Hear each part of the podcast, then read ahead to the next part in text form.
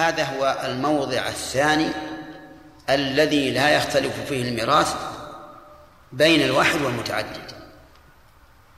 هذا هو الموضع الثاني الذي لا يختلف فيه الميراث بين الواحد والمتعدد. والأول الزوجات. اضبط هذه لأن هذه نادرة. الواحد والمتعدد سواء في الزوجات وفي الجدات. قال وترث أم الأب والجد معهما. يعني ترث أم الأب مع الأب مع أنها مدلية به. وترث أم الجد أم الجد معه مع أنها مدلية به. إذا قال قائل ليش نص عليه المؤلف؟ ما دام أعطانا قاعدة. أن أم الأم وأم الأب وأم أب الأب وإن علونا أمومة يرثنا بدون شرط. ليش ينص على المسألة هذه؟ نقول نص عليها لأن بعض العلماء خالف في هذا. وقال إن أم الأب لا ترث مع الأب. وأن, وأن أم الجد لا ترث مع الجد. معللا ذلك بأن قاعدة الفرائض أن من أدلى بواسطة حجبته تلك الواسطة. فهمتم يا جماعة؟ الله ما أدري. واضح. لأن الإشكال الآن ليش المؤلف ينص على هذا بخصوصه وهو واضح وهو واضح من الكلام الأول؟ نقول نص على ذلك درءا للخلاف في هذه المسألة. لأن بعض العلماء رحمهم الله يقولون أم الأب لا ترث مع وجود ابنها. وأم الجد لا ترث مع وجود ابنها. لأن القاعدة في علم الفرائض أن من أدلى بواسطة حجبته تلك الواسطة إلا الإخوة من الأم. الإخوة من الأم يرثون مع الأم بالإجماع ما في إشكال مع أنهم مدلون بها. ولكننا نقول الحج مبني على الدليل. والقاعدة التي ذكرت صحيحة إذا كان المدلي ينزل منزلة المدلى به عند عدمه. لكم معنا يا جماعة. القاعدة الصحيحة أن من أدلى بواسطة حجبته تلك الواسطة بشرط أن يكون المدلي يستحق مال المدلى به عند عدمه.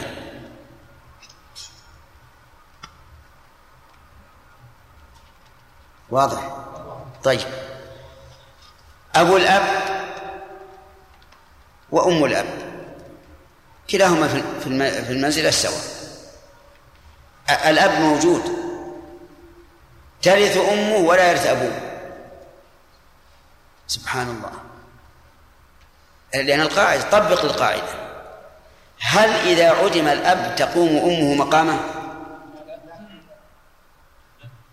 لا ما تقوم. لكن إذا عدم الأب يقوم أبوه هو الجد مقامه.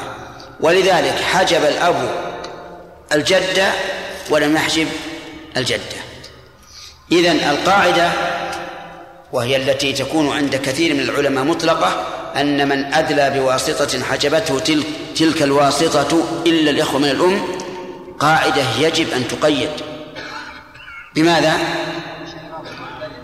من أدلى بواسطة وكان يقوم مقام هذه الواسطة عند عدمها فإنه يسقط بها. ومن لا فلا. إذن أم الأب ترث مع الأب وأم الجد إيش؟ ترث مع الجد. فلو هلك هالك عن أبيه وأم أبيه. اقسم. أنا أظن كل واحد منكم يعرف يقسم. عن أبيه وأم أبيه. كم لأم أبيه؟ السدس كما قرأنا. السدس. كم لأبيه؟ الباقي لأن أباه الآن يرث بالتعصيب. ما في فرع وارث. وإذا لم يكن فرع وارث فإنه يرث بالتعصيب إذن الجد له السدس والأب له الباقي. فهنا ورثت الأم مع أنها مع الأب مع أنها مدلية به. لماذا؟ لأنها لا تنزل منزلته عند عدمه. طيب. أه، وقوله كالعم يعني كما ترث مع العم بالإجماع. كما ترث مع العم بالإجماع. مع أن الجدة أم العم. الجدة التي هي أم الأب هي أم العم. فيقال إذا كانت ترث مع ابنها الذي هو العم كيف لا ترث مع ابنها الذي هو الأب؟ لا فرق. إن شاء الله واضح المسألة؟ طيب. قال المؤلف وترث الجدة بقرابتين ثلثي السدس. نقرأ هذه ولا نخليها؟ نعم. نعم. نخليها؟ طيب. ترث الجدة بقرابتين ثلثي السدس.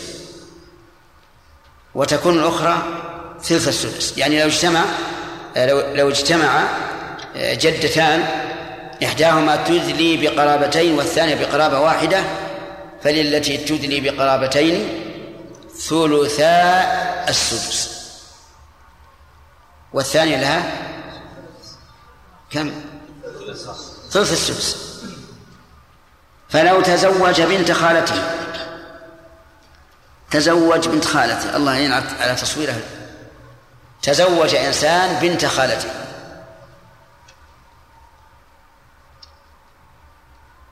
فجدته أم أم أم ولدهما. ولدهما أي ولد الزوج والزوجة. مثال ذلك رجل تزوج بنت خالته. وولد له. ولد له ولد. الولد الآن له جدتان. جدة من جهة أبيه وجدة من جهة أمه. صح ولا لا؟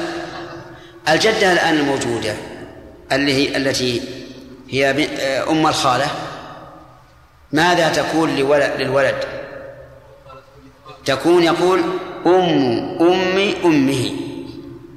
وتكون أم أم أبيه تصورتوها ولا لا؟ تصورتوها؟ طيب الحمد لله. الرجل تزوج بنت خالته. جدتهما واحدة. جدتهما واحدة. هي بالنسبة للزوجة أم أم. ولا لا؟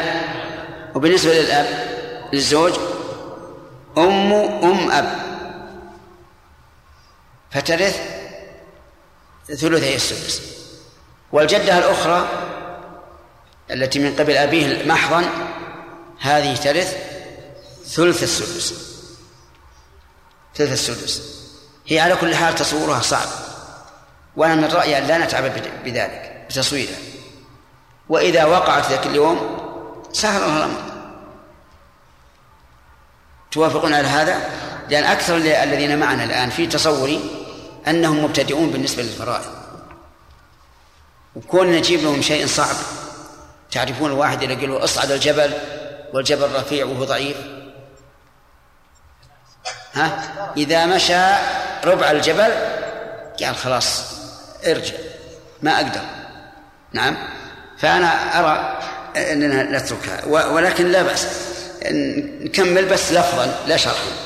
وإن تزوج بنت عمته فجدته أم أم فجدته أم أم أمه وأم أبي أبيه. هذه. وإن شاء الله المسألة واضحة لمن هي واضحة له. طيب. نعم. اي السبورة اللي هو موجودة صار سهل. لكن إن احتجناه ذكرنا به. إي واضح بالمثال لكن يا سليم اللي ما عمره درس الفرائض. مشكل. نكلف اثنين منكم يأتون بها مصورة في ورقة. نكلف جزاع وخانة اسمك؟ ها؟ أي جزاع محمد خليل. تعاونا عليها وصوروها بورقة إن شاء الله غدا تأتون بها. ولكما أن تستعينا بمن شئتم.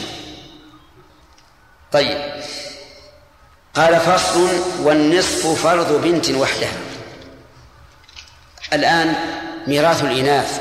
الفصل هذا لميراث الإناث البنات وبنات الإبن والأخوات الشقيقات والأخوات لأب.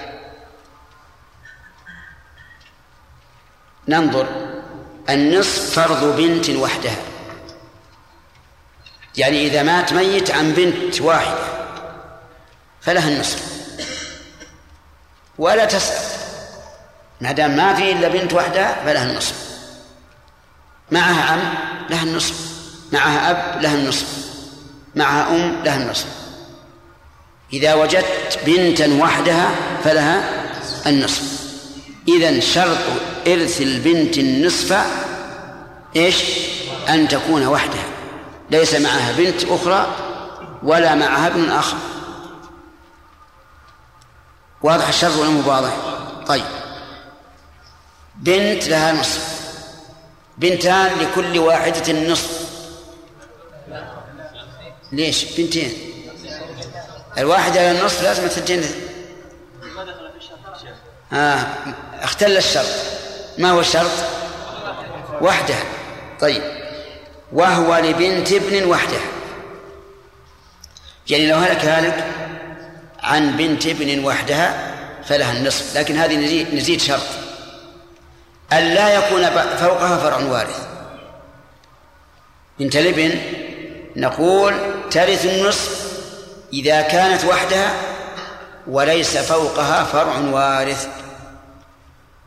لازم من الزيادة هذه. واضح؟ هلك هلك عن بنت ابن وعن عم. بنت الابن لها النصف هلك هالك عن بنت ابن وعن ابن. ما ترث النصف. ليش؟ لأن فيها لأنه وجد فرع وارث أعلى منها. طيب هلك هالك عن بنت ابن وبنت. ترث النصف. ليش؟ لأن فيه فرع وارث أعلى منها. هلك هالك عن بنت ابن وابن ابن. ليس لها النصف. لأنه لا بد أنها وحدها. لا بد أنها وحدها. ولهذا قال وهو لبنت ابن وحدها. نحن أضفنا شرطا آخر. ما هو؟ أن لا يوجد فرع أعلى منها. أن لا يوجد فرع أعلى منها. أفهمتم يا جماعة؟ طيب. ثم لأخت لأبوين. يعني ثم إذا لم يوجد إناث من الفروع لأخت لأبوين. بشرط أن تكون وحدها. هلك هالك عن أخت شقيقة. لأبوين يعني شقيقة. عن أخت شقيقة وعم. كم لها؟ النصف. أختين شقيقتين؟ ليس لها النصف. ليش؟ لأنها ليست وحدها. أخت شقيقة وأخ شقيق. مثله. ما تستحق النصف. لأن الشرط أن تكون وحدها. هنا نزيد شرط. بل شرطين. نزيد شرطا بل شرطين. أن لا يوجد فرع وارث ولا أصل من الذكور وارث. إذن الأخت الشقيقة لا بد أن تكون وحدها وأن لا يوجد فرع وارث ولا أصل من الذكور وارث. من هو الفرع الوارث؟ الفروع. الابن والبنت ابن الابن بنت الابن وما أشبه ذلك. الأصل من الذكور؟ الأب والجد وما أشبه ذلك. لو هلك هالك عن أخت شقيقة وأب ما ليس لها النصف ليس لها النصف ليش؟ وجود أصل من الذكور وارث لو هلك عن بنت وأخت شقيقة ليس لها النصف لوجود فرع وارث إذن هو للأخت الشقيقة وحدها. يعني ما معها أخ شقيق ولا أخ شقيق بشرط أن لا يوجد فرع وارث ولا ذكر من الأصول وارث. طيب. أو لأب وحدها أيضا الأخت الأب إذا كانت وحدها ترث النصف لكن نزيد ثلاثة شروط نزيد ثلاثة شروط أن لا يوجد فرع وارث ولا أصل من الذكور وارث ولا أحد من الأشقة. ولا أحد من من الأشقة. إذن الشروط كم؟ ثلاثة. الأخت الأب ترث النصف بثلاثة والم... وحدها إذا كانت وحدها بثلاث شروط. أن لا يوجد فرع وارث؟ وشلون؟ ولا أصل من الذكور وارث؟ ولا أحد من الأشقاء طيب. الثلثان لثنتين من الجميع فأكثر إذا لم يعصبن بذكر. الثلثان لثنتين فأكثر. منين؟ اثنتين فأكثر منين؟ من البنات. أو بنات الابن. أو الأخوات الشقيقات. أو الأخوات الأب. لكن قال إذا لم يعصبن بذكر. فإن عصبن بذكر فليس لهن النصف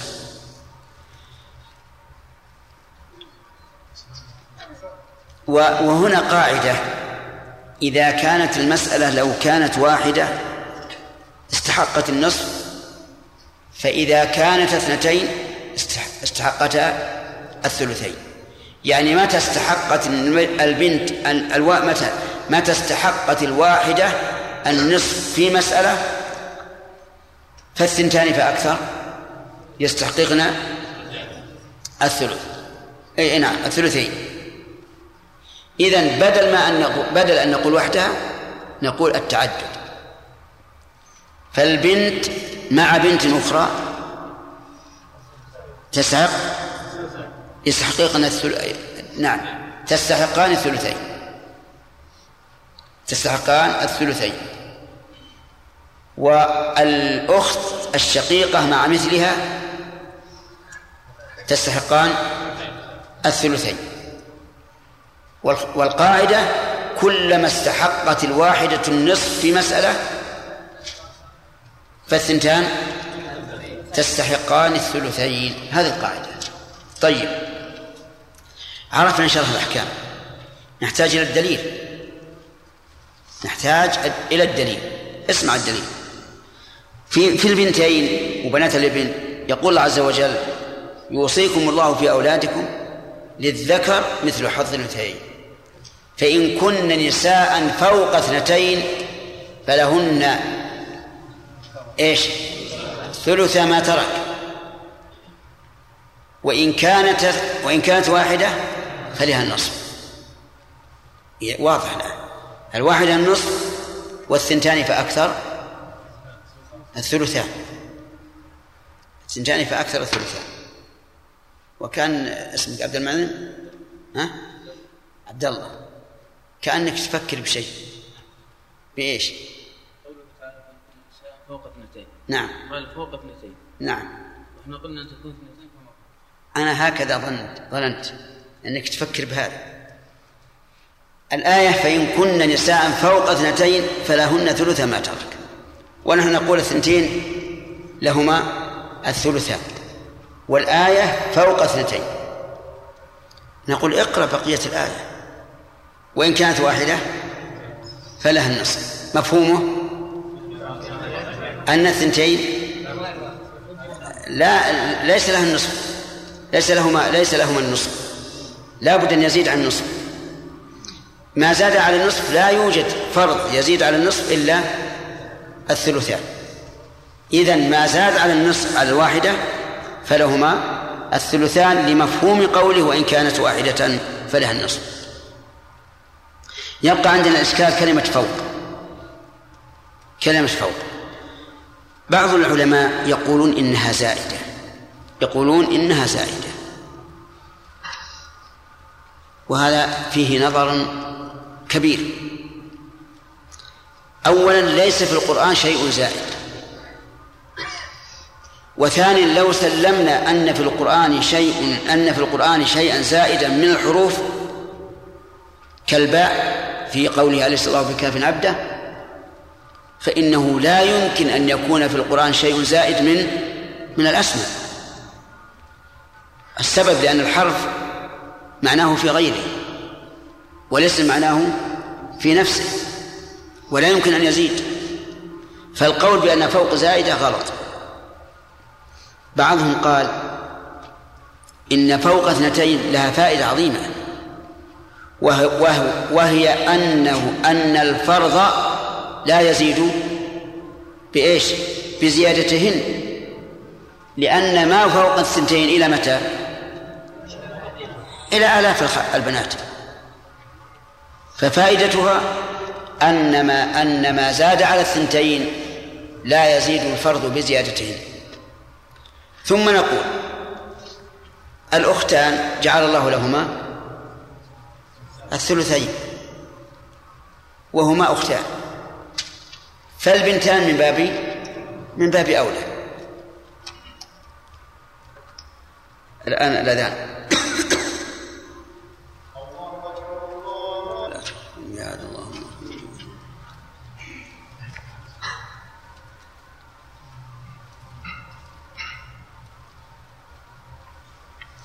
الآن فهمنا متى ترث البنات وبنات الإبن والأخوات الشقيقات والأخوات لأب النصف ومتى يرثنا الثلثين؟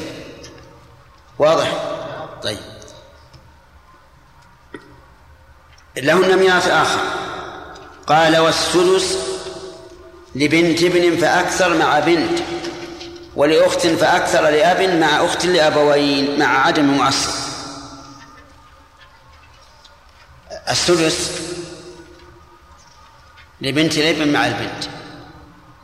يعني متى ورثت البنت النصف فلبنت الابن السدس كذلك للأخت لأب مع الأخت الشقيقة. الأخت مع الأخت الشقيقة السدس فمتى ورثت الأخت الشقيقة النصف ورثت الأخت لأب السدس طيب. لنمثل هلك هالك عن بنت وحدها. وعن بنت ابن وحدها. كم لبنت الابن؟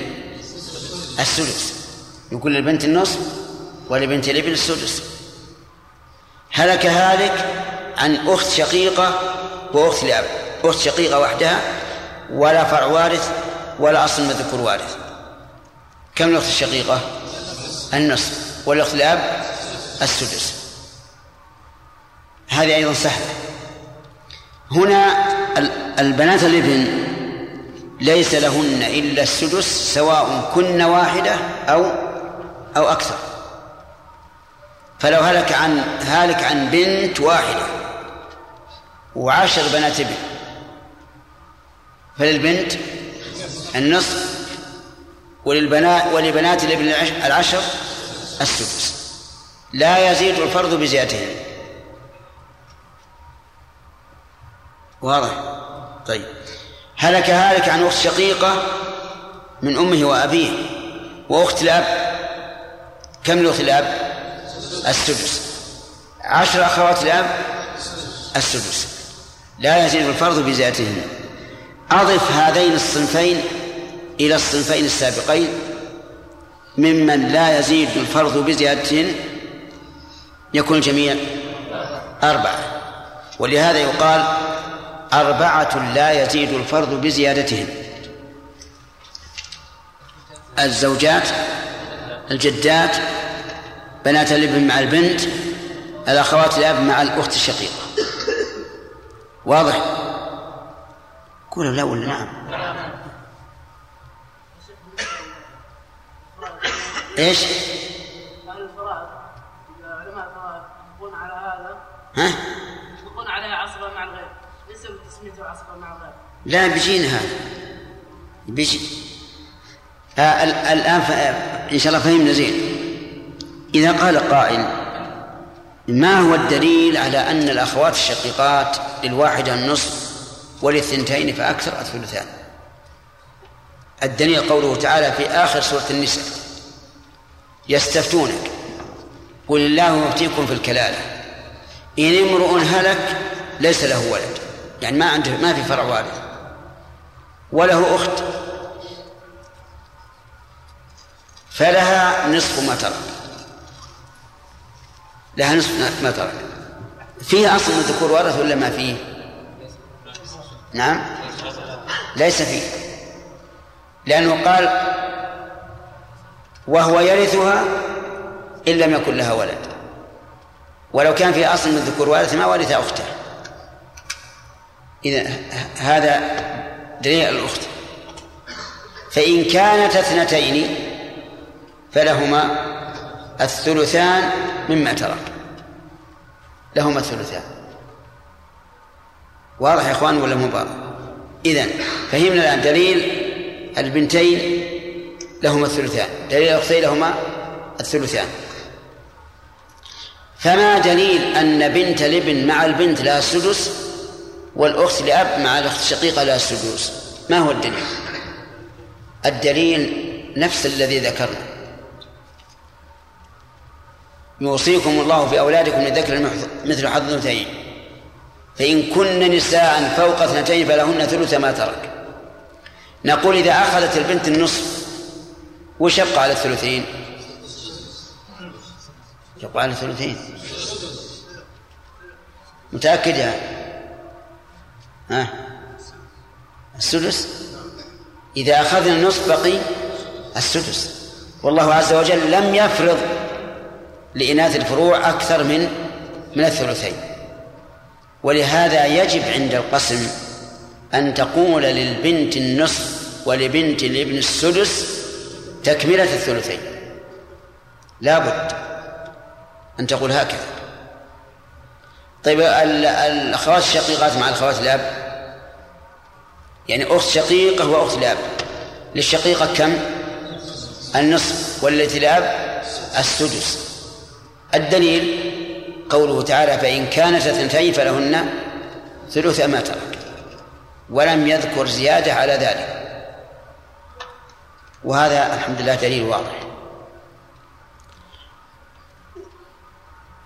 وقعت مسألة وهي بنت وبنت ابن وأخت شقيقة في عهد عبد الله بن مسعود.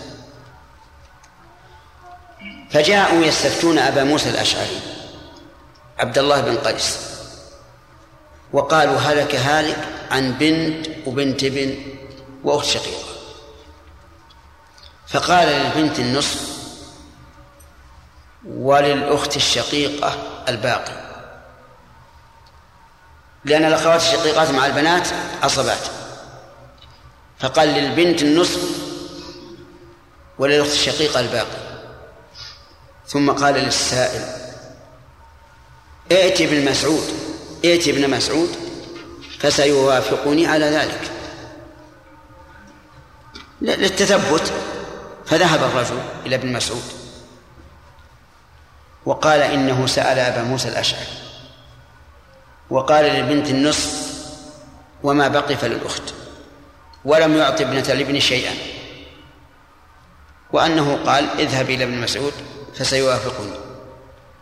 فقال ابن مسعود لقد ضللت إذا وما أنا من المهتدين. يعني إن تابعته فقد ضللت. ولأقضين فيها بقضاء رسول الله صلى الله عليه وسلم. للبنت النصف ولبنت الابن السدس تكملة الثلثين. وما وما بقي فللأخت. شوف الله العلم فهذا دليل على أن للبنت الابن مع البنت كم؟ السدس.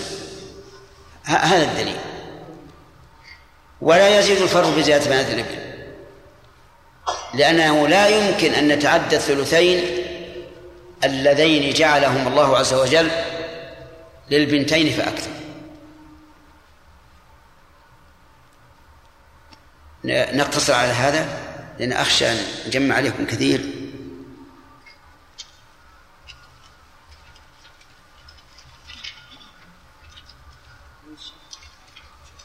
نعم.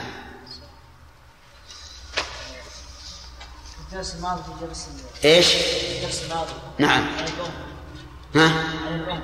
عن الأم. آه، بعد ما ذكر المؤلف لما قلت لما قلتم شيخنا كلامه غير صحيح في آخر شيء يعني الربع مع زوجة وأبويه ثم قال وللأب مثلهما قال المؤلف وللأب مثلهما نعم. هل ينطبق يعني نصف الأم ولا لا؟ لما قال وللأب مثلهما أي يعني مثلهما يكون آه، النصف والثلث. التعبير الصواب أن يقال لها ثلث الباقي والباقي للأب. هذا الصواب. نعم. على الزوجة فتكون الزوجة بمجرد عقد نعم. فلو مات هي لو مات؟ نعم. نعم. وإن لم نعم. طيب طيب لو ما دخل شيء وزنى هل يرجع؟ زنى؟ زنى. إيه. يعني مات وبعد ما- موته زنى. ها. عقد. إيه. عقد. ثم ماتت الزوجة قبل الدخول. ها وش سوت؟ ها؟ بعد أن أن أوقد له ولكن لم يجامع. لا لا يرجع. لأنه ما صار طيب حتى الآن.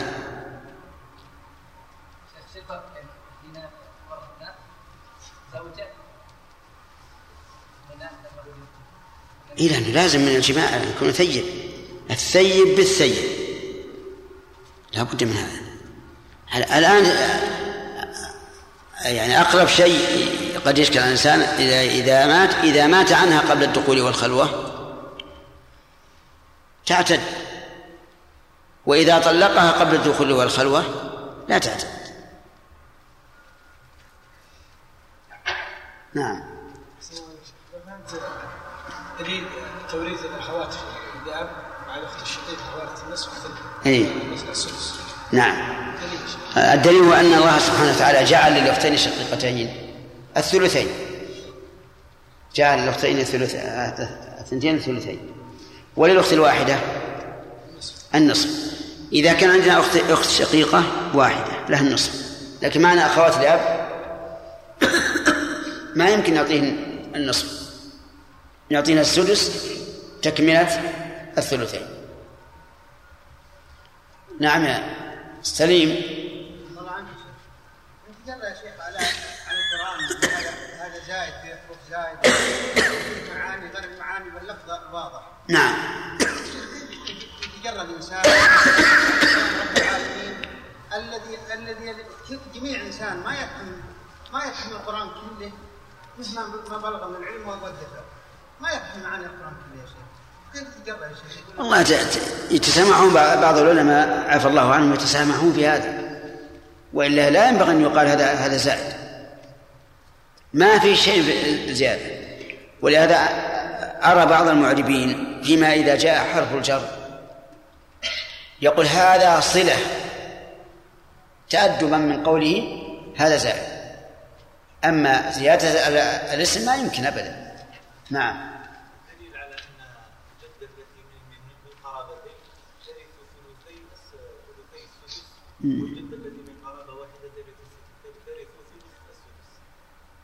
نعم.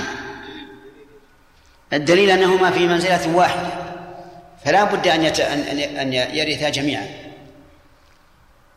الجدة الثانية اللي ادلت بقرابتين أقوى من ال- من الأخرى التي ادلت بقرابة واحدة. ونحن نرى أن الشرع يرا- يراعي القوة.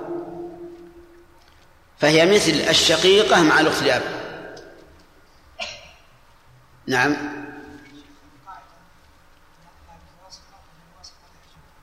إيش؟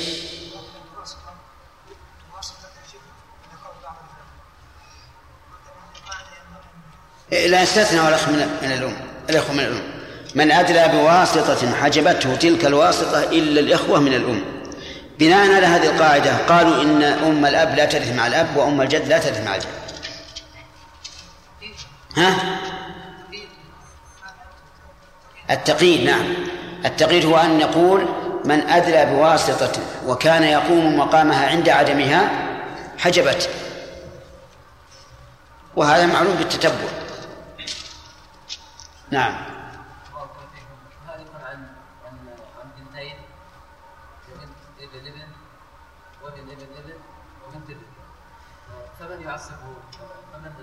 هذه هذه بارك الله فيه ستأتينا في بعد وقد وضعنا فيها إيش؟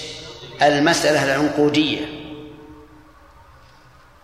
ستأتينا إن شاء الله تعالى. وربما نصور العنقودية هذه ونوزعها عليكم. لكنها ليست عنقود الأكل.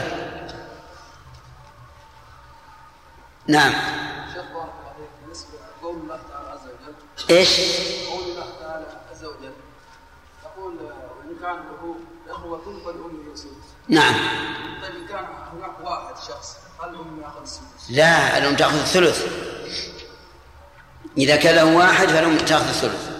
حتى بعض العلماء يقول إذا كان له أخوان تأخذ الثلث. كما لو كان أخ واحد. قال لأن أقل الجمع في اللغة العربية كم؟ ثلاثة. لكن هذا قول ضعيف.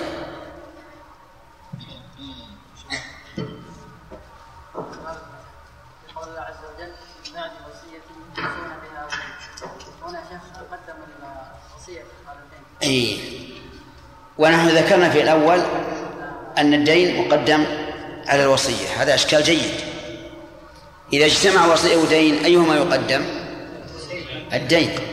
لكن الله يقول من بعد وصية يوصى بها أو دين فقدم الوصية. ثبت عن النبي صلى الله عليه وعلى آله وسلم أنه قضى بالدين قبل الوصية. تمام؟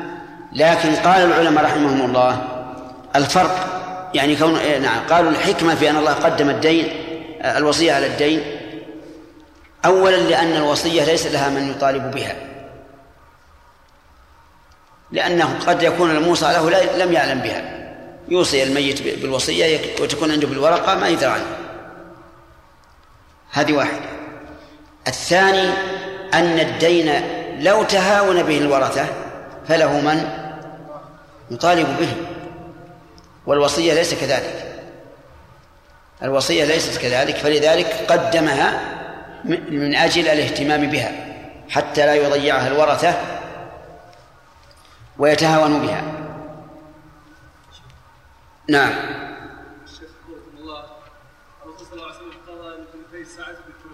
إيش؟ الرسول صلى الله عليه وسلم في حديث أبي داود قضى لابنتي سعد بالثلثين هل الحديث ضعيف؟ لا يستأنس به لا شك. هو على كل حال فيه مقال لكنه يستأنس به بلا شك.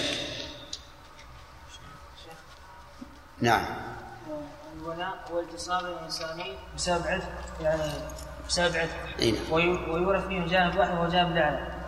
فالجانب الأعلى هو المعتق. المعتق. المعتق يعني بعد ما يعتق العبد. فيموت العبد.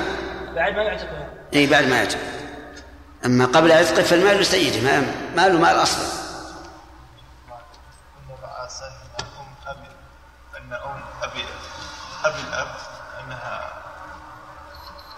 تترث القول الراجح أي نعم. إي نعم.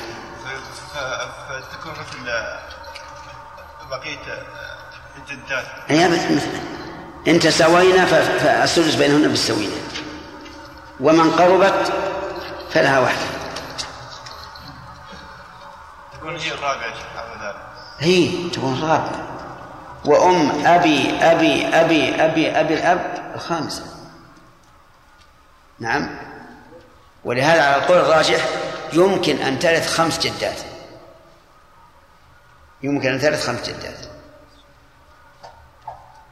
أو ما يمكن؟ يمكن يتساون. نعم. شيخ من يعني من له عمه وليس لها وارث له. هنا نعم. يرثها يرث ابن أخيه. كل ما إلا إلا الدين والوصية. في إشكال العقارات هذه اذا مات صاحب العقار يحولونها باسم الوارث ولو كان؟ وارث باسم من؟ باسم الوارث ولو كان يعني ابن عمه ابن العم أو كذا يحولون كل الملك باسمه. يمكن لها أوقاف. الوقف يغير الحكم.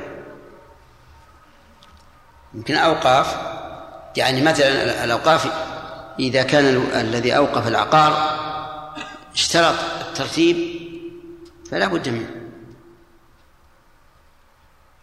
نعم بالنسبة لمن تزوج بالخال ماتت الزوج هل يكون الزوج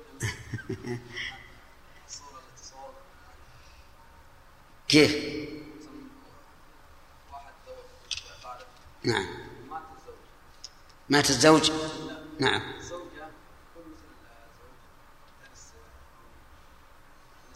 جدتها من قبل الأم. جدتها من قبل الأم.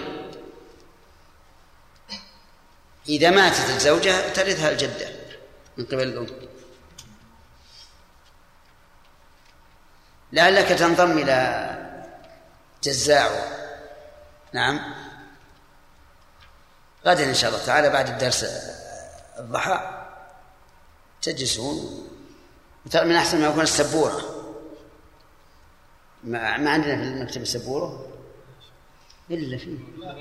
ها؟ هنا؟ إيه. ها؟ لا ما في. هذا هذا اللي بي- بي- يطلعونها لنا.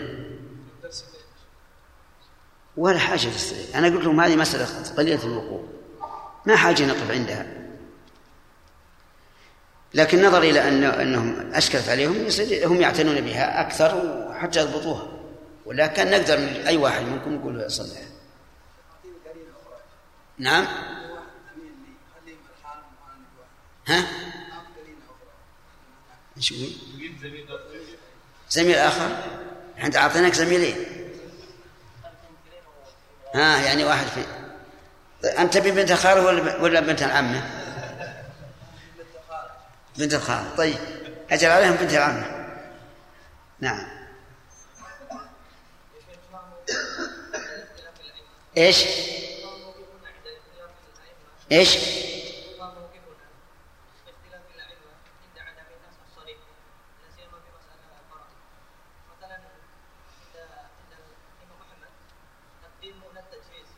ها؟ تقديم إيش؟ اي نعم نعم. نعم. هذا بارك الله فيك ما فيه نص.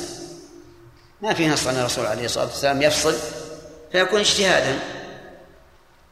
الذين قدموا التجهيز قالوا لو أن الإنسان معسر في حياة الحياة الدنيا وعليه ديون عظيمة فهل نقول اخلع ثوبك لنو- لنوفي به؟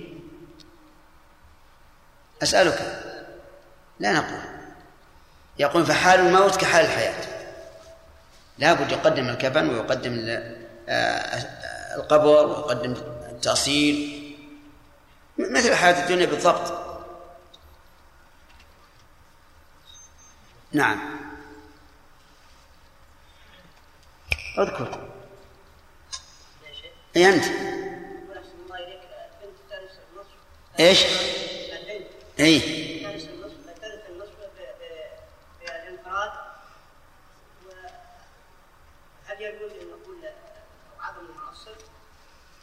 هم قال الانفراد يغني عنها إذا قلنا الانفراد أغنى عنها لأنها مع وجود المعصب.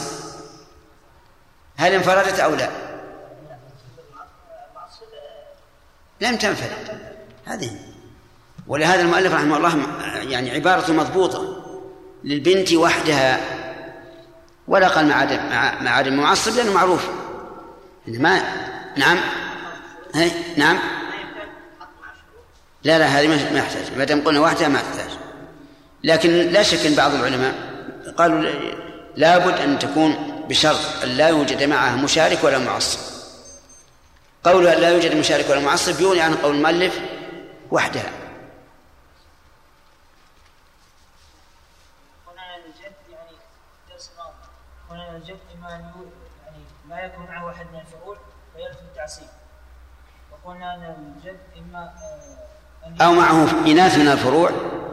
أو الذكور من الفروع. أو إما لا نعم. يوجد ذكور من الفروع نعم.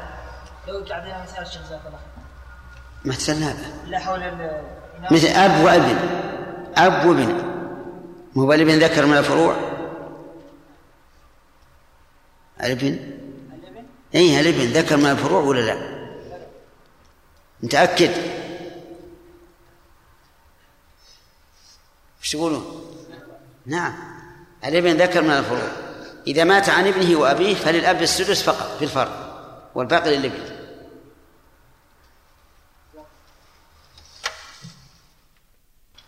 اقرأ.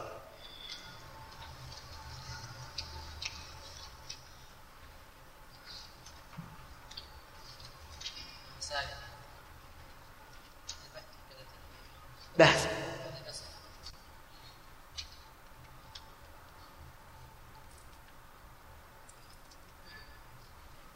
يصور ولا خلي خليه معي. ما شاء الله. بسم الله الرحمن الرحيم وصلى الله على سيدنا محمد وعلى آله وصحبه وسلم. قال المؤلف رحمه الله فصل في الحج. لا لا. لا ما كملنا. اقرأ مع أول الفصل. فصل والنصف. فصل ون- ونصف فرض فرض بنت بنت وحدها ثم هو لبنت ابن وحدها ثم لأخت لأبوين أو لأب وحدها والث- والثلثان لاثنتين من الجميع وأكثر إذا لم يعصبن يعصبن يعصبنا يعصبن للذكر والسدس لبنت ابن فأكثر ما بنت فأكثر ولأخت والأخت. ولأخت والأخت فأكثر لأب ما ما أخت لأب- لأبوين. ما عدم معصب فيهما. فإن- فإن است- فإن است- فإن استكمل ثلثين بنات أو هما سقط من دونها من دونهن إن لم يعصمن ذكرا بإزائهن أو أن أنزل منهن كذا أخوات من الأب ما أخوات الأبوين؟ وإن لم يعصمن إن إن لم. إن لم إن لم. ما بهو إن لم يعصبن يعصبهن. يعصبهن. إن لم يعصبهن. إن لم يعصبهن أخو- أخو- أخوهن والأخت فأكثر فرض بالتعصيب. ما ما فضل عن فرض البنت فأ- فأزيد. فأزيد. فأزيد.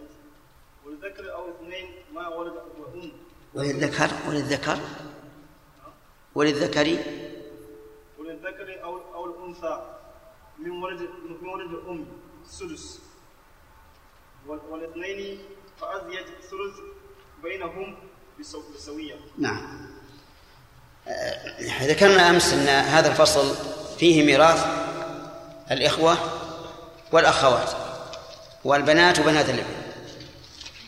آه، ما هو شرط إرث البنت النصف. نعم. عدم يدك نعم. عدم المعصب البنت عدم المعصب وعدم المشارك طيب وإذا أردنا أن نمشي على كلام المؤلف ماذا نقول؟ تكون لوحدها أن تكون وحدها. ليس معها بنت أخرى ولا ابن آخر. طيب. آه، بنت الإبن؟ نعم. بشرط آخر. أضفناه نحن. أن تكون وحدها؟ ها؟ لا. خطأ. ألا يكون فوقها؟ فرع وارث تمام. لا بد من هذا الشرط. طيب. آه الأخت الشقيقة.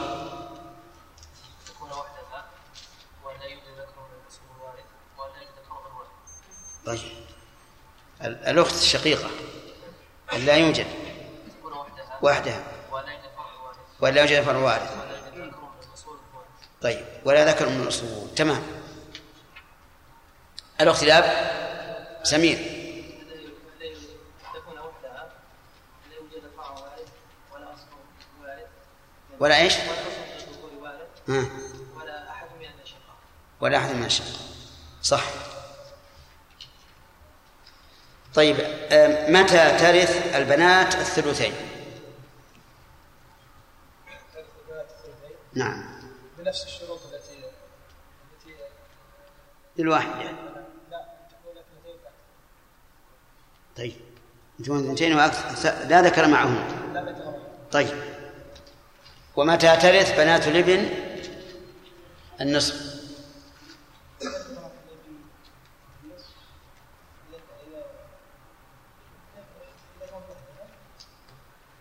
واحدة وثنتين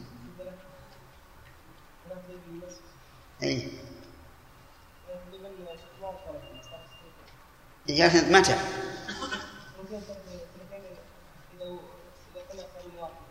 اي طيب.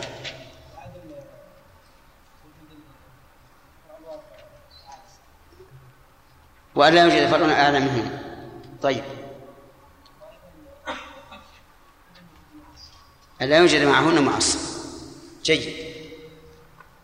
ومتى ترث الأخت اللي أب النصف. الثلثان نعم. الثلثان. الثلثين.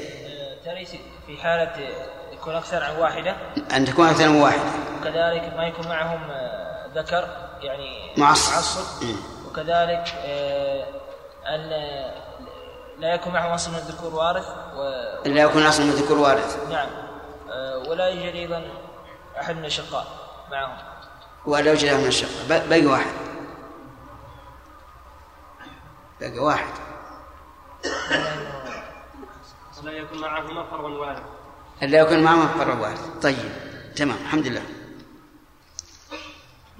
لو هلك هالك عن أخت شقيقة وأخت لأب ومعها أخوها. أخت شقيقة وأخت لأب معها أخوها. تاخذ الأخت الشقيقة النصف. والباقي بين للذكر من فضل الاثنين والباقي بين أخت الأب وأخ الأب للذكر مثل حظ الأنثيين. هنا لماذا لم ترث السدس؟ لأن معها معصر. لأن معها معصب تمام. ومتى ترث الأخوات لأب؟ السدس. إيه؟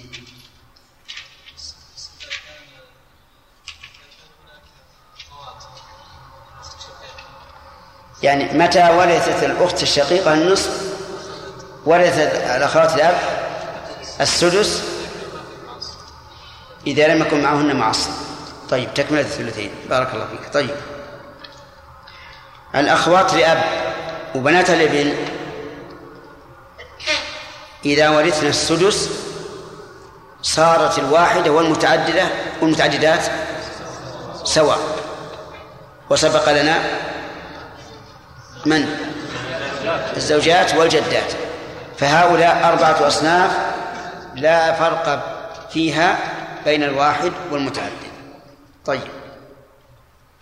نقرأ الكتاب يقول رحمه الله والثلثان للثنتين من الجميع فأكثر إذا لم يعصبنا بذكر. فمن هو آه، الذكر الذي يعصب الأنثى؟ نقول كل ذكر مماثل لها درجة ووصفا. كل ذكر مماثل للأنثى درجة ووصفا فإنه معصب لا محالة. كل ذكر إيش؟ مماثل لها. درجة ووصفا فهو معصب. ابن وبنت. معصب. ابن وبنت ابن. ليس معصب. لأنهما اختلفا درجة طيب. أخ شقيق وأخت شقيقة. معصب. أخ شقيق وأخت الأب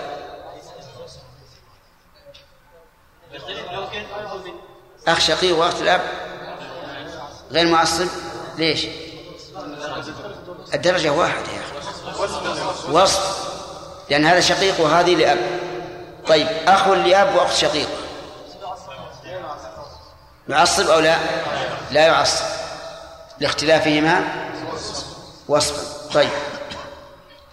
لكن بنت الابن إذا سقطت إذا سقطت بنت الابن لاستكمال البنات الثلثين فقد سبق في درس أمس أن من كان أنزل منها فإنه يعصبها على القول الراجح الذي عليه جمهور العلماء. أنسيتم أم أم تذكرون؟ طيب. إذا هلك هالك عن بنتين وبنت ابن وعم شقيق يلا عبد الله. بنتين وبنت ابن وعم شقيق. للبنتين ثلثان. تامة الشروط؟ نعم. تعدد؟ تعدد وعدم وجود المعصب. عدم معصب. عدم فرع وارث. عدم أصل من الذكور وارث. طيب. نعم. بنت الابن؟ لا شيء.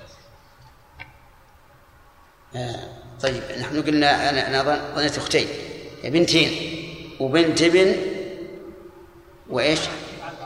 عم شقيق. البنتين الثلثين لتمام الشروط التعدد وعدم المعصب طيب ما في إلا الشرطين. طيب بنت الابن؟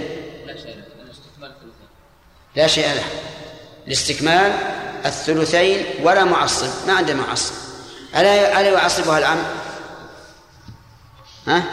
ليش؟ لأن العم حولها في الدرجة العم أخو أبيها. وهي بنت ابن. اختلاف الدرجة والوصف. طيب. الواقع أن الوصف واضح والدرجة قد ينازع فيه إنسان لأنه يقول بين بنت الابن وبين الميت واحد.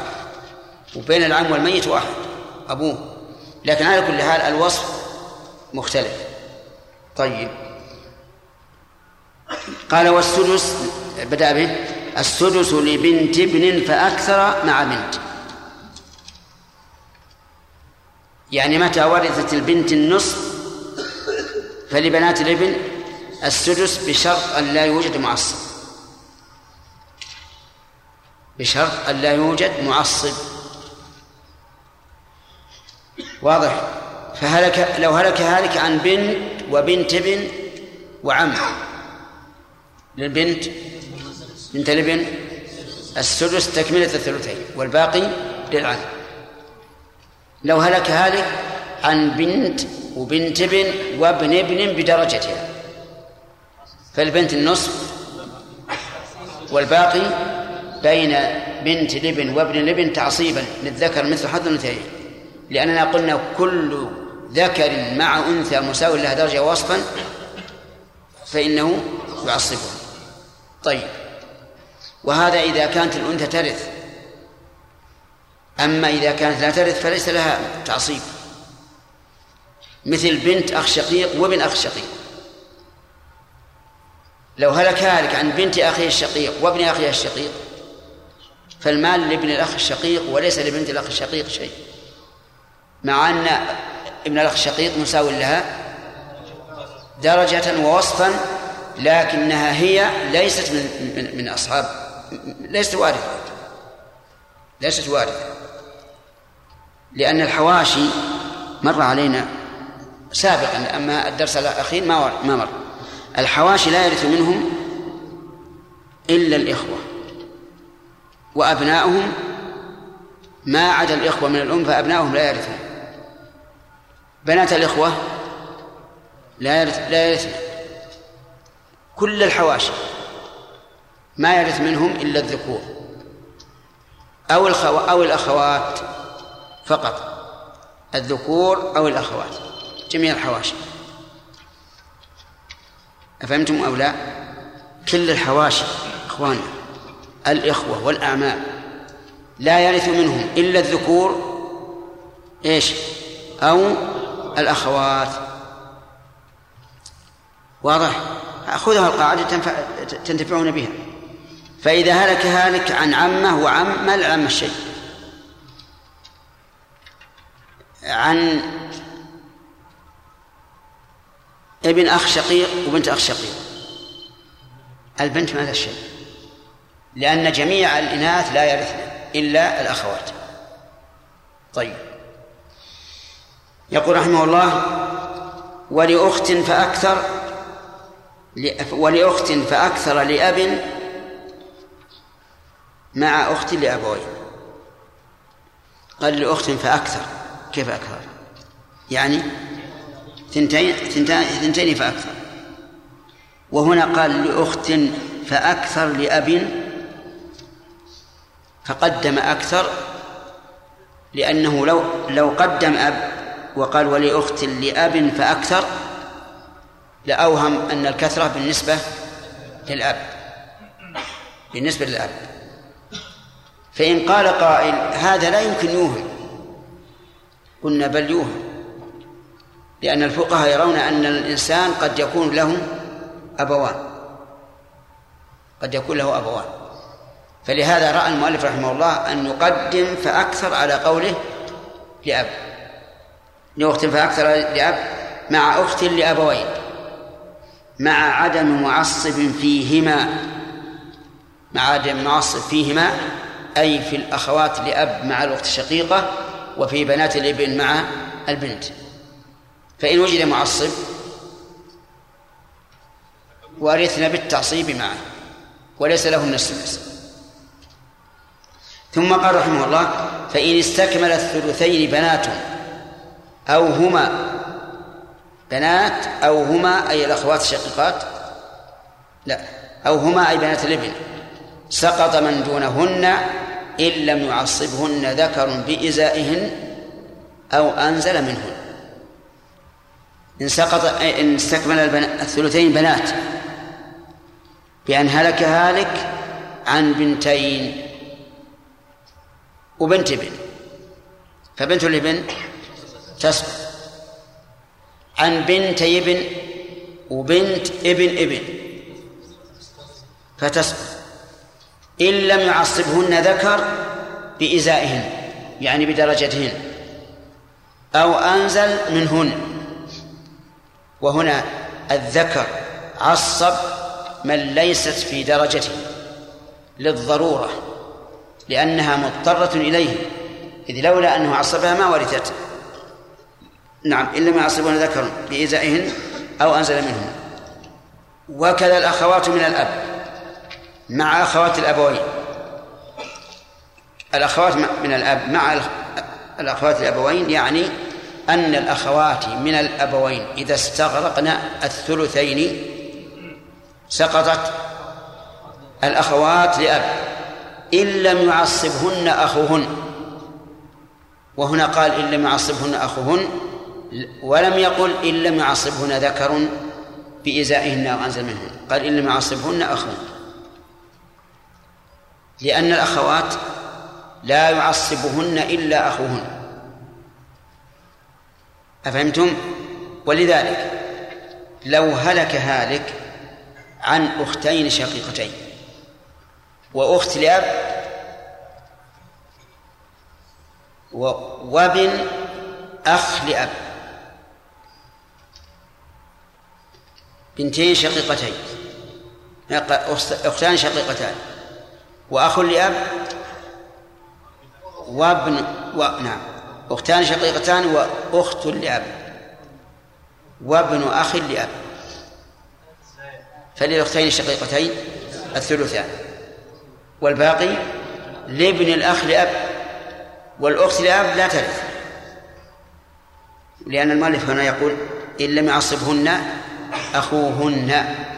وهذا ليس كبنت الإبن مع مع ابن الإبن النازل كما كما سبق. طيب إذن إذا استغرق الثلثين بنات ومعهن بنات ابن فإن بنات الإبن إيش؟ يسقط. إلا أن يعصبهن ذكر بإزائهن أو أنزل منهن. بإزائهن أو أنزل منهن. طيب ما في ما يمكن يكون فوقهن؟ إذا كان فوقهن حجبهن. وهذا مر علينا أمس.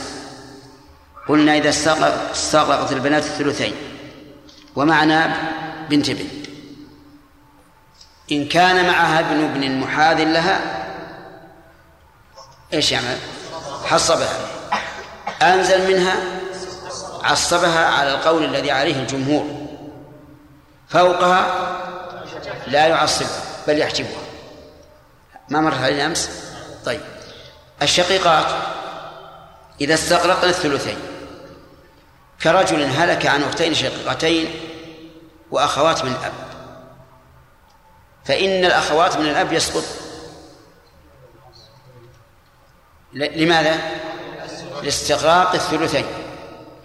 إلا إذا عصبهن أخوهن خص المسألة بالأخ. ما قال ذكر بإزائهن أو أنزل قال إن لم يعصبهن أخوهن. ففي المثال أختان شقيقتان وأختان لأب وأخ لأب.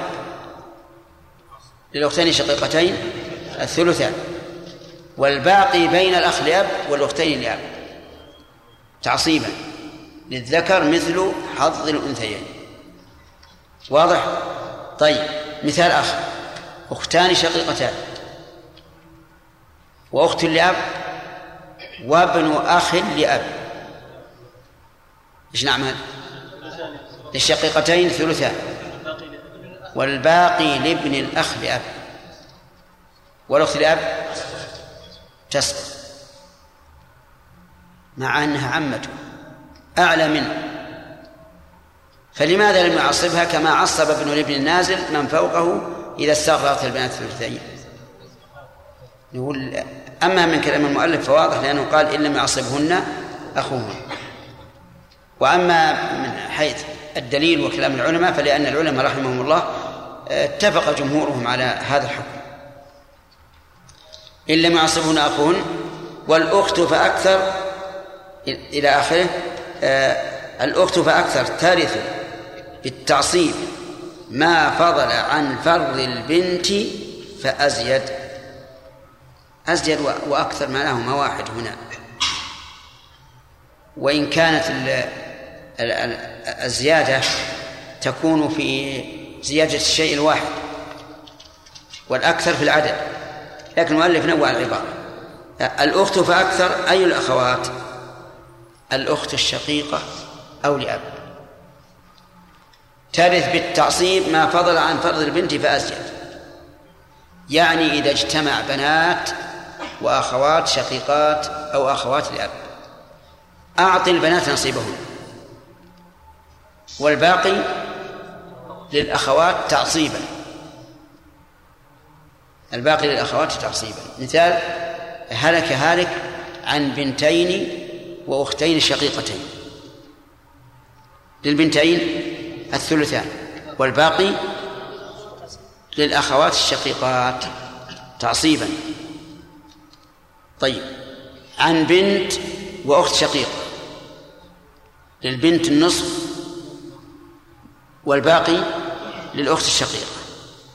والحاصل أنه متى ورثت البنات ومعهن أخوات شقيقات فإن الأخوات الشقيقات يكن عصبة مع الغير مع الغير ولهذا يقولون الأخوات مع البنات عصبات. لكن عصبة بإيش؟ عصبة مع الغير ومن هنا نقول قسم العلماء رحمهم الله العصبة إلى عاصب بالنفس وعاصب بالغير وعاصب مع الغير العاصب بالغير أربعة. البنات وبنات الإبن والأخوات الشقيقات والأخوات الأب. مع ذكر يساويهن درجة إيش؟ ووصفا. هؤلاء أربعة. يكن عصبات بالغيب. أعود البنات بنات الابن والأخوات الشقيقات والأخوات الأب. مع ذكر مساو أو مماثل المعنى واحد. لهن درجة وصفا لقوله تعالى وإن كانوا إخوة رجالا ونساء فللذكر مثل حظ الأنثيين وقوله تعالى يوصيكم الله في أولادكم للذكر مثل حظ الأنثيين هؤلاء يسمون عصبة؟ بالغيب. العصبة مع الغيب صنفان فقط. الأخوات الشقيقات والأخوات لأب مع البنات أو بنات الابن هؤلاء يكون يكون يكون هذان الصنفان تكونان عصبة مع الغير عصبة مع الغير ما هو ليش العلماء فرقوا بالغير ومع الغير؟ أما بالغير فواضح لأن الباء للسببية أي كان هؤلاء النساء عصبة بسبب غيرهن. وأما مع الغير فليس هناك سبب لكن هناك معية لأن البنات لأن الأخوات الشقيقات لم يعصبهن البنات ولا ولا رجال. لكن كن عصبة بالمصاحبة بالمعية. انتبه يا أخي والفرق ظاهر يا جماعة فرق واضح. هؤلاء العصبة بالغير كن عصبة بسبب الذكور الذين يساوون يساوونهن بالدرجة والوصف. أما الأخوات لأب أو أخوات الشقيقات مع البنات وبنات الابن فلا علاقة. ما علاقة. ليس لهن علاقة. لكن في المصاحبة والمعية في مسألة واحدة. من بقي عندنا من الحواشي؟ ها؟ العصب بالنفس له باب معين. يأتي إن شاء الله. باقي عندنا من الحواشي من؟ الأخوات من الأم. ولهذا قال وللذكر أو الأنثى من ولد الأم السدس والاثنين فأزيد الثلث بينهم بالسوية. دليل ذلك قوله تبارك وتعالى وإن كان رجل يورث كلالة أو امرأة أي تورث كلالة وإن كان وله أخ أو أخت فلكل واحد منهما السدس. فإن كانوا أكثر من ذلك فهم شركاء في الثلث. شوف شركاء. والشريك لابد أن يكون مساويا لشريكه لم يقل إن كان أكثر من ذلك فللذكر مثل حظ الأنثيين بل قال فهم شركاء في الثلث والمشاركة تقتضي التسوية كما أن البينية تقتضي التسوية ولهذا لو وهبت جماعة مالا وقلت هو بينكم ماذا يكون؟ بالتسوية الصغير والكبير سواء. الإخوة من الأم يرثون بشرط بل بشرطين أن لا يوجد فرع وارث وأن لا يوجد أصل من الذكور وارث. فإن وجد أحدهما فلا فلا ميراث. انتبه للشرط. شرط أن لا يوجد فرع وارث سواء ذكر أو أنثى ولا أصل من الذكور وارث فلو هلك هالك عن جد هو أبو أب وعن أخ من أم فلا شيء للأخ من أم. ما الذي اختل؟ أن لا يوجد أصلا من الذكور وارث ولك ولو هلك عن بنت ابن وأخ من أم. ها. يسقط يسقط الأخ من الأم لأن مع لأن في المسألة فرعا وارثا وهي بنت الابن. فإذا ثبت إرثهم فهو سهل. للواحد سدس والاثنين فأكثر الثلث ويتساوون. وليس في في الفرائض. ما يتساوى فيه الذكر والأنثى إلا الإخوة من الأم. فذكرهم وأنثاهم سواء. لماذا؟ فيه جواب لا, لا اعتراض عليه. فيه جواب لا اعتراض عليه وهو أن هذا حكم الله. وقد قال الله تعالى وما كان لمؤمن ولا مؤمنة إذا قضى الله ورسوله أمرا أن يكون لهم الخيارة من أمره. وهذا أعني حكم الله هو الذي احتجت به أم المؤمنين عائشة. حين سألتها امرأة قالت ما بال الحائض تقضي الصوم ولا تقضي الصلاة؟ قالت لها أحرورية أنت. حرورية يعني من الخوارج. قالت لا ولكني أسأل. فما فماذا تترقبون أيها الطلبة؟ لو قالت إنها حرورية ماذا تترقبون من عائشة؟ إيش؟ إيش ترقبون؟ نعم؟ ألا تجيب. لأن, لأن هذا ليست يعني ليست أصعب ما يقوله الخوارج. استحلالهم دماء المسلمين وتكفيرهم المسلمين أشد. لكنها قالت لا لا ولكني أسأل. فاستدلت بالنص. قالت كان يصيبنا ذلك فنؤمر بقضاء الصوم ولا نؤمر بقضاء الصلاة. وهذا مسكت لكل مسلم.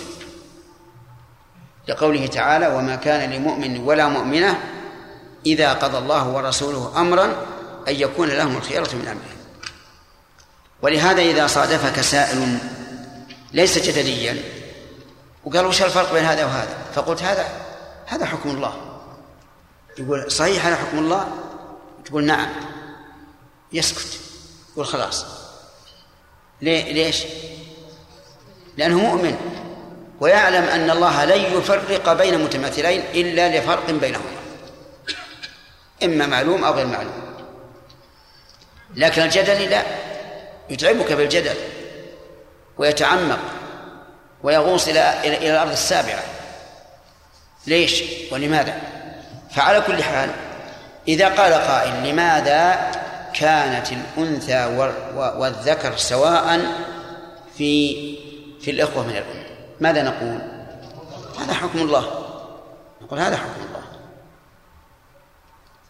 وهذا مقنع ومسكت. أما قول بعضهم لأنهم يرثون بالرحم المجردة فيقول من قال من قال هذا؟ إنهم يرثون بالرحم المجردة. من قال هذه العلة؟ ما تستطيع. لو أن أحد قال أتشهد على الله أنه سوى بين الذكر والأنثى في الإخوة من الأم أنه أن ذلك لأنهم يرثون بالرحم المجردة؟ ما تستطيع أن تقول أشهد. لكن مسائل الفرائض. نبه الله عز وجل على أنه لا مدخل للعقول فيها. في أي آية؟ في قوله آباؤكم وأبناؤكم لا تدرون أيهم أقرب لكم نفعا. وهذا يوجب أن يسكت الإنسان وأن لا يتعمق في طلب التعليل حتى يسلم. الآن الحمد لله أنهينا الميراث الأصول والفروع وإيش؟ والحواشي. بقي عندنا الحج. نبدأ به ولا نقف؟ نبدأ به لأن عندنا ما بعد الأذان. الحج مر علينا في البرهانية. نعم؟ نعيده لأن بعضكم ما حضر برهانية الحج يقول العلماء إنه لا يحل لإنسان لا يعرف الحجب أن يفتي في الفرائض. يقول حرام على الشخص الذي لا يعرف الحجب أن يفتي في الفرائض. لماذا؟ لأنه قد يعطي شخصا ويورث ويورثه وهو محجوب. فلهذا لابد أن تعرف باب الحجب. الحجب نوعان. حجب بوصف وحجب بشخص وسبق لنا في باب موانع الإرث وذكرناها هنا. أو نسيته ها؟ ذكرناها. طيب. الحجب الشخص معناه أن الإنسان يحجبه شخص من أهل الميراث. قال المؤلف تسقط الأجداد بالأب. كل الأجداد؟ كل الأجداد. فإذا هلك هالك عن أب وجد من الأب وجد من الأم. حجبهم الأب. انتبهوا يا فيه إذا هلك هالك عن أب وجد من أب وجد من أم يحجبهما؟ ها لا. الجد من الأم غير وارث أصلا. غير وارث. ولهذا انتبهوا ربما يلقى إنسان عليكم مسألة في مثل هذا فلتنتبه إذا أقول إذا هلك هالك عن أب وجد من أب فالجد يسقط قال والأبعد بالأقرب الأبعد منين؟ من الأجداد بالأقرب فإذا هلك عن أبي أب وأبي أبي أب من اللي يرث؟ الأول أبو الأب لأن لأن أبا أبي الأب أبعد. وهذا واضح. دليله قول النبي صلى الله عليه وسلم ألحقوا الفرائض بأهلها فما بقي فلأولى رجل ذكر. أولى يعني أقرب. لأنه ليس الأولى أحق ولا لقلنا الفقير وإن كان بعيدا يقدم على الغني. طيب. آه. وتسقط الجدات بالأم. صح؟ الجدات بالأم. سواء من جهة الأب أو من جهة الأم. نعم. أي نعم. فلو هلك هالك عن أم أم وأم أب وأم فالجدتان لا ترثان. والأم تحجبهما والجدات بالأم. وولد الابن بالابن. لأنه أقرب. الله أكبر الله أكبر.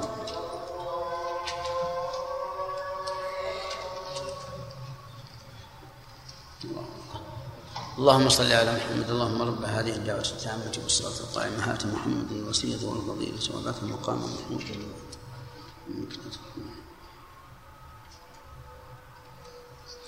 يقول ويسقط ولد الابن بالابن لأنه لأنه أبعد الساقط أبعد. طيب ولد ابن الابن إبن إبن إبن وابن إبن. الأول يسقط. يسقط لأنه أبعد. ويسقط ولد الابن بالابن وولد الأبوين. من ولد الأبوين؟ الأخ الشقيق أو الأخت الشقيقة. بابن وابن ابن وأب. يسقط بالابن. لو هلك لو هلك هالك عن ابن وأخ شقيق سقط الأخ الشقيق عن ابن ابن وأخ شقيق سقط الأخ الشقيق عن ابن ابن عن عن أخ شقيق وأب. سقط الأخ الشقيق عن أخ شقيق وجد. على القول الراجح يسقط الأخ الشقيق لأن الجد من الأب كالأب. هذا القول الراجح. نعم.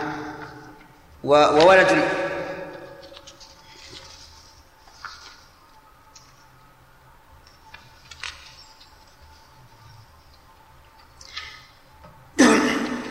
وولد الأبوين بابن وابن ابن وأب.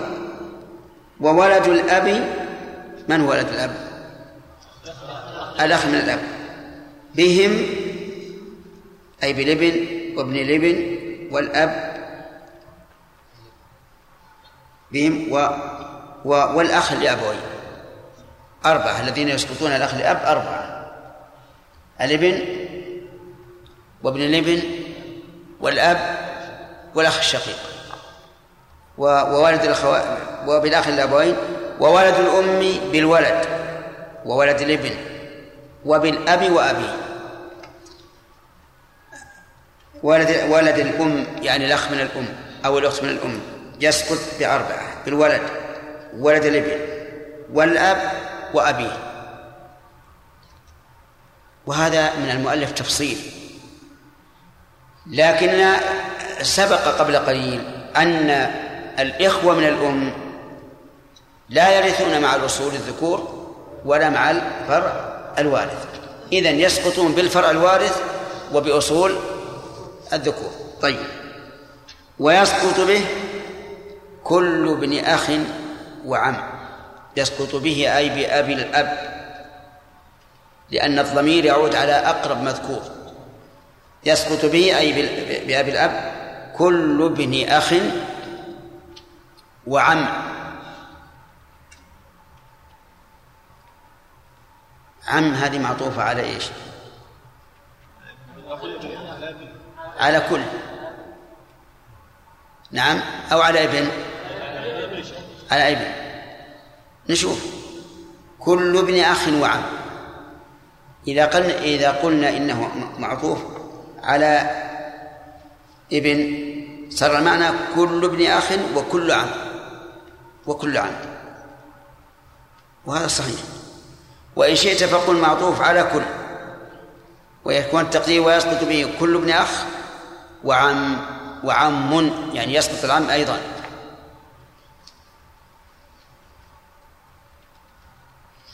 هل يجوز أن نجعله على معطوف على أخ؟ لا لأنك لو عطفته على أخ صار المعنى كل ابن أخ وابن عم. وهذا فاسد.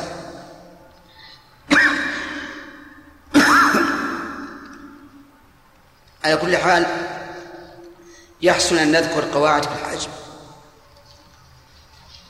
أول نبدأ بالأصول.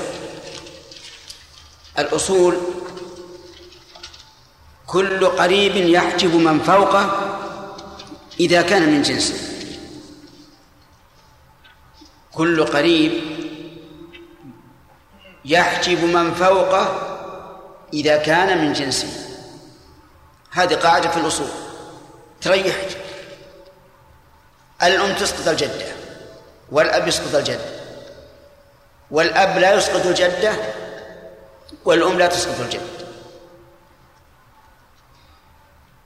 كلام عربي ولا؟ نعم. كل قريب في الأصول كل قريب يحجب من فوقه كمل. إذا كان من جنسه هذه راحة. فنقول مثلا الأم تحجب الجدة والجدة تحجب أم الجدة وهكذا في في في الذكور الأب يحجب الجد والجد يحجب أبا الجد وهكذا هل الأم تحجب الأب؟ لا تحجب الجد لماذا؟ لأنه ليس من جنسه وهل الأب يحجب الجدة؟ لا لأنه ليس من جنسه طيب في الفروع. كل ذكر يحجب من تحته. كل ذكر يحجب من تحته. ما نقول إذا كان من جنسه ولا و... نعم ما ما نشترط هذا. لكن نشترط كل ذكر. اختلف الأصول والفروع. الأصول كل واحد ذكر وأنثى يحجب من فوقه إذا كان من جنسه هذا نقول كل ذكر يحجب من تحته سواء كان من جنسه أو من غير جنسه. أفهمتم الآن؟ طيب. ابن وابن ابن. ابن ابن محجوب؟ يحجبه الابن. طيب. ابن وبنت ابن. محجوبة. من بمن؟ بالابن. ابن ابن وبنت ابن ابن. محجوبة. لأن القاعدة عندنا قاعدة كل ذكر يحجب من تحته. ها؟ سواء كان من جنسه أو من غير جنسه طيب الأنثى لا تحجب من تحته. لو هلك هالك عن بنت وبنت ابن ورثت بنت الابن النصف. أليس كذلك؟ طيب. آه نعم أصبح. لا ورثت بنت النصف وبنت الابن السدس. طيب. وش بقي عندنا؟ الحواشي. الحواشي يحجبهم كل ذكر من الأصول أو الفروع. الحواشي يحجبهم كل ذكر من الأصول أو الفروع. واضح؟ فمثلا الأخ مع الأب محجوب. الأخ مع الابن محجوب. الأخ مع الجد محجوب على القول الراجح. إذن كل ذكر من الأصول وكل ذكر من الفروع فإنه يحجب